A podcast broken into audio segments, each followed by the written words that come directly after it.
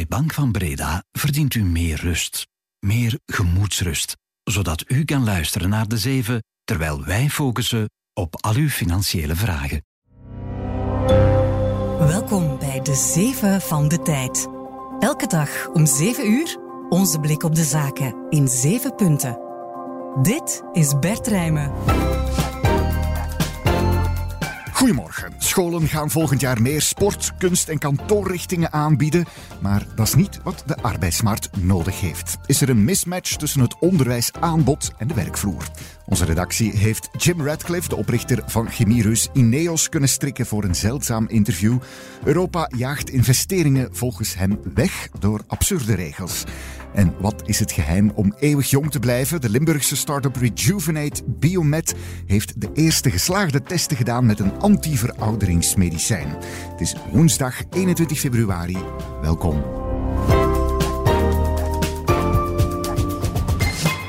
De zeven van de tijd. 1. Volgend schooljaar bieden secundaire scholen meer sportopleidingen aan. En ook de richtingen kunst en creatie en kantooradministratie worden populairder. Blijkt uit de aanvragen die bij Vlaams minister van Onderwijs Ben Wijd zijn binnengekomen en waarover de Sociaal-Economische Raad Vlaanderen, de SERF, een advies geeft. Dat adviesorgaan, de werknemers- en werkgeversorganisaties samen zijn dat, zeggen dat het Vlaamse onderwijsaanbod niet goed is afgestemd op de arbeidsmarkt. Sarah Lamotte, de onderwijsexpert hier op de redactie. Goedemorgen. Goedemorgen Bert. De SERF, uh, Sarah, zegt dat er alsmaar meer een mismatch is tussen het onderwijsaanbod en de werkvloer. Hoe komt dat? Wel, de SERF ziet enerzijds een overaanbod van een aantal uh, opleidingen en anderzijds een onderaanbod. Dat overaanbod zit bijvoorbeeld bij sportopleidingen, maar evengoed bij kunst- en uh, kantooradministratie. Waar ze van zeggen, die richtingen worden georganiseerd, maar eigenlijk vraagt de arbeidsmarkt daar niet zo heel erg naar. Mm -hmm. Het onderaanbod, ja, dat zijn de typische, hè, bouw, hout, elektriciëns. Daar smeekt de arbeidsmarkt om en dat is minder populair in de nieuwe aanvragen voor richtingen. -hmm. Wat zou dan een oplossing kunnen zijn uh, volgens de SERF? Want ja, scholen zijn natuurlijk vrij om hun aanbod te kiezen. Ja, klopt. Hè. Op basis van de vrijheid van onderwijs kunnen onderwijskoepels net zelf opleidingen gaan organiseren en schrappen. De SERV heeft daar uiteraard respect en begrip voor, maar roept wel echt op tot meer samenwerking, meer afstemming met die arbeidsmarkt en roept ook op om zicht te krijgen op die opleidingen die georganiseerd worden. Uh, vroeger was het zo dat er een officiële aanvraag moest ingediend worden voor nieuwe opleidingen, waardoor dat dan ook de SERV ook veel beter inzage had op wat wordt er hier allemaal georganiseerd in dat onderwijsveld. Vandaag is dat niet meer zo, dus is dat geen uh, verplicht nummertje van de scholen, waardoor dat de SERF zegt van ja, dat zorgt er wel voor dat die link tussen de arbeidsmarkt en wat er op school wordt georganiseerd nog losser wordt. Ja, het begint natuurlijk allemaal bij de leerlingen die ja, zelf ook kiezen voor bijvoorbeeld die sportrichtingen. Moet het onderwijs hen ja, per se voorbereiden op een job?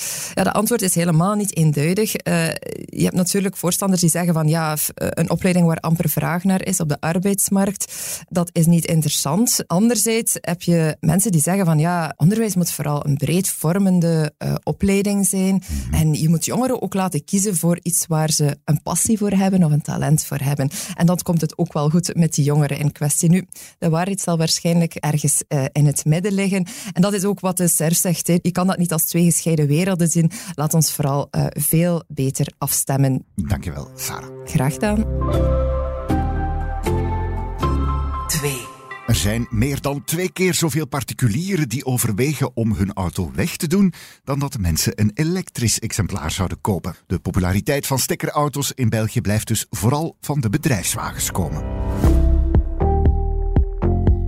Amper 12% van de particuliere autobezitters denkt eraan om als volgende auto een elektrische te kopen, blijkt uit een studie van consultant Deloitte. De prijs is voor particulieren vaak het grootste struikenblok. Vlaamse regering geeft dan wel een subsidie van 5000 euro voor e-auto's van maximaal 40.000 euro, maar 70% van de kopers heeft een budget van minder dan 30.000 euro.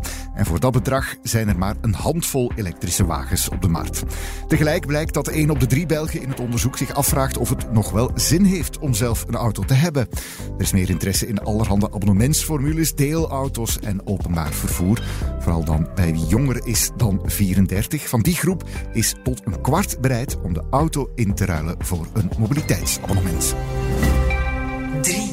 it's absurd, you know. So nobody will invest in Europe when you've got regulation that's silly as that. Niemand wil in Europa investeren als het zo'n absurde regels heeft. Dat zei Jim Radcliffe, de oprichter van chemiereus Ineos, in een zeldzaam interview met onze redactie.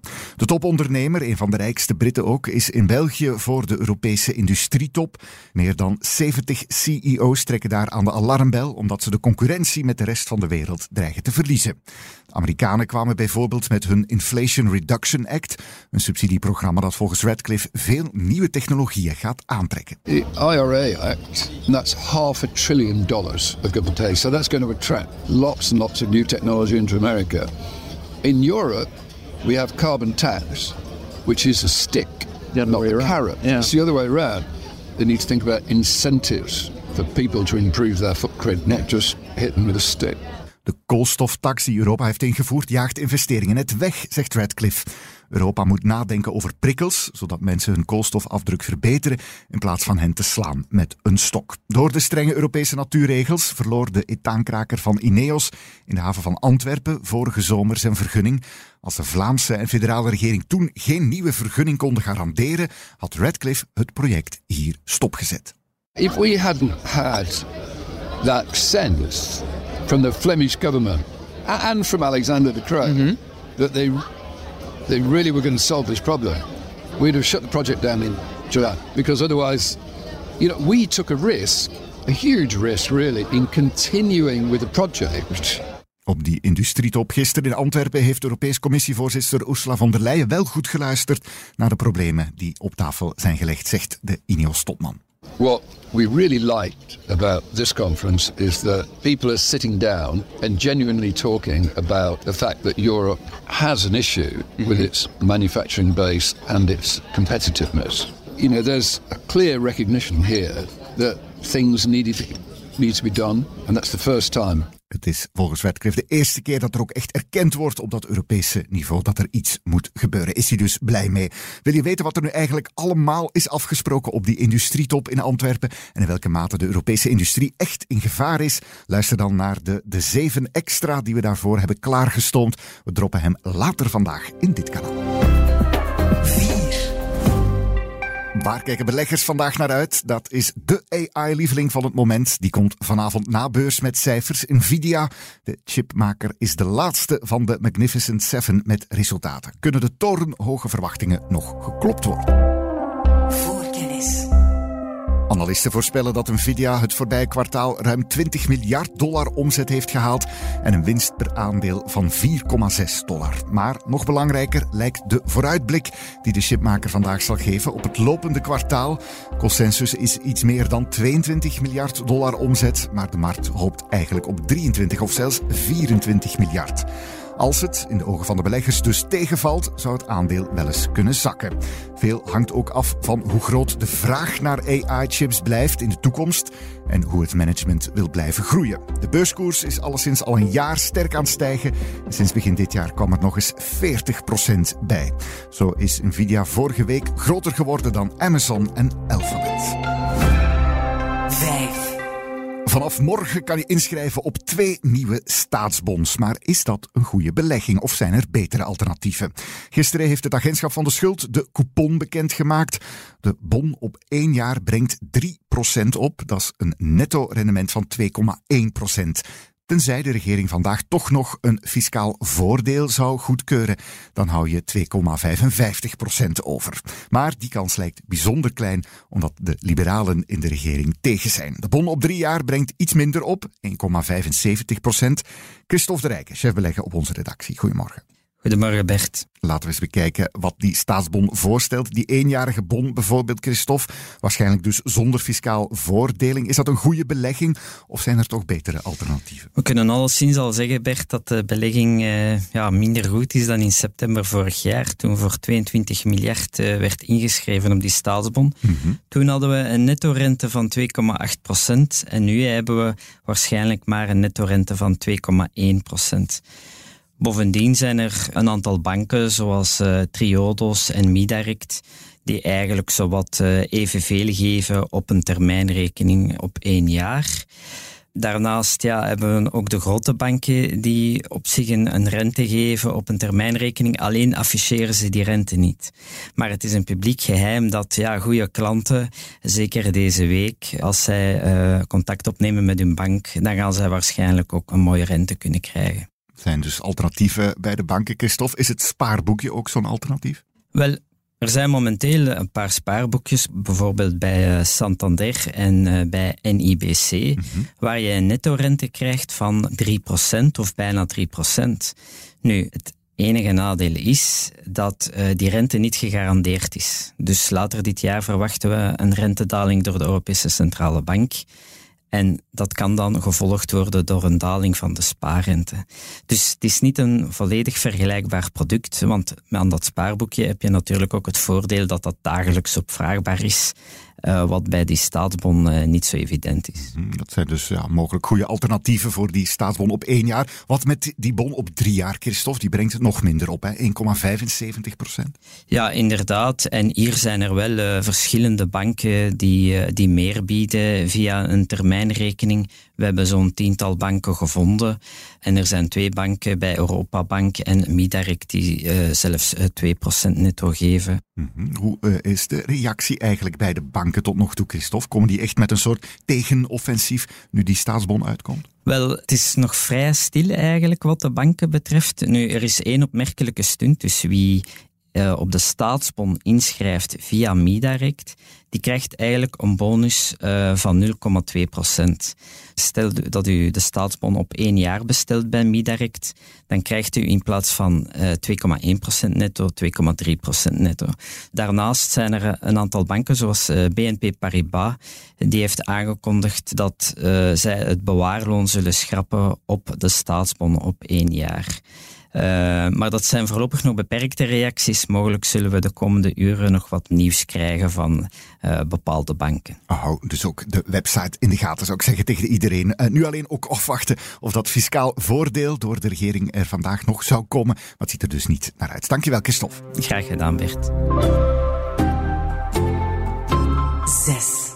Welke impact heeft het veelbesproken capaciteitstarief gehad op onze energiefactuur? Weinig. Zo blijkt één jaar na de invoering ervan. Alleen gezinnen met grote stroomverbruikers, zoals een elektrische wagen, konden wel wat besparen door hun verbruik meer te spreiden. Wat is dat capaciteitstarief weer? Wel een onderdeel van de elektriciteitsfactuur, namelijk de nettarieven, worden sinds een jaar anders berekend. Vroeger hing de prijs enkel af van je jaarlijks verbruik. Nu speelt hoeveel stroom je op piekmomenten gebruikt ook een rol. Critici van het capaciteitstarief vrezen dat je factuur veel hoger zou zijn als je bijvoorbeeld zou strijken en tegelijkertijd ook de wasmachine laat opstaan. Maar de impact van die kleine toestellen is toch beperkt. Gezinnen met nieuwe technologie, zoals een warmtepomp, konden dan weer wel gemiddeld 20 tot 40 euro op jaarbasis uitsparen. Mensen met een elektrische wagen zelfs tot 60 euro. Netbeheerder Fuvius merkt dat specifiek die gezinnen hun verbruik meer gespreid hebben. Omdat dat nog altijd gaat om een minderheid van de mensen, is het piekverbruik in totaal ook amper gedaald het voorbije jaar. Maar in de toekomst, als meer mensen elektrisch gaan rijden, wordt verbruik spreiden belangrijker, volgens Fluvius. Want anders raakt het net overbelast natuurlijk. 7.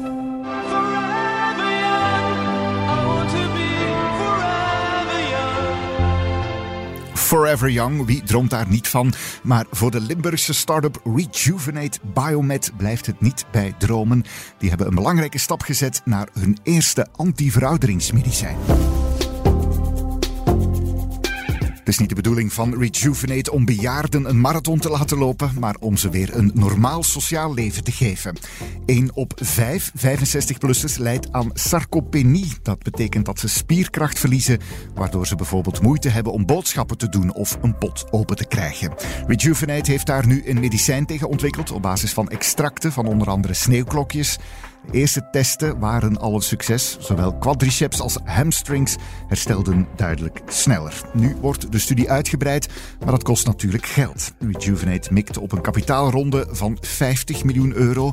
Sinds de opstart in 2017 hebben ze al bijna 20 miljoen opgehaald. Op langere termijn willen ze een algemeen anti-aging medicijn op de markt brengen dat je ook preventief kan nemen. Dit jong vullen is alvast klaar met de zeven van vandaag. Nu even mijn oefeningen gaan doen. Voor iedereen een fijne dag en tot morgen. Dit was De Zeven met Bert Rijmen. Productie door Lara Droesaert. Van op de redactie van De Tijd. Een recensie of reactie in je favoriete podcast-app doet ons veel plezier. Heb je feedback?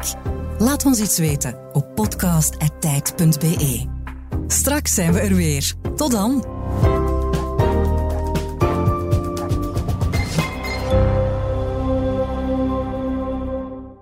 U verdient meer peren. U verdient meer anticiperen. U verdient meer anticiperen van uw financiële partner, zodat u ten alle tijde rustig kan blijven, ook als de beurs haar peren ziet. Ook u verdient meer Bank van Breda. Professioneel en privé.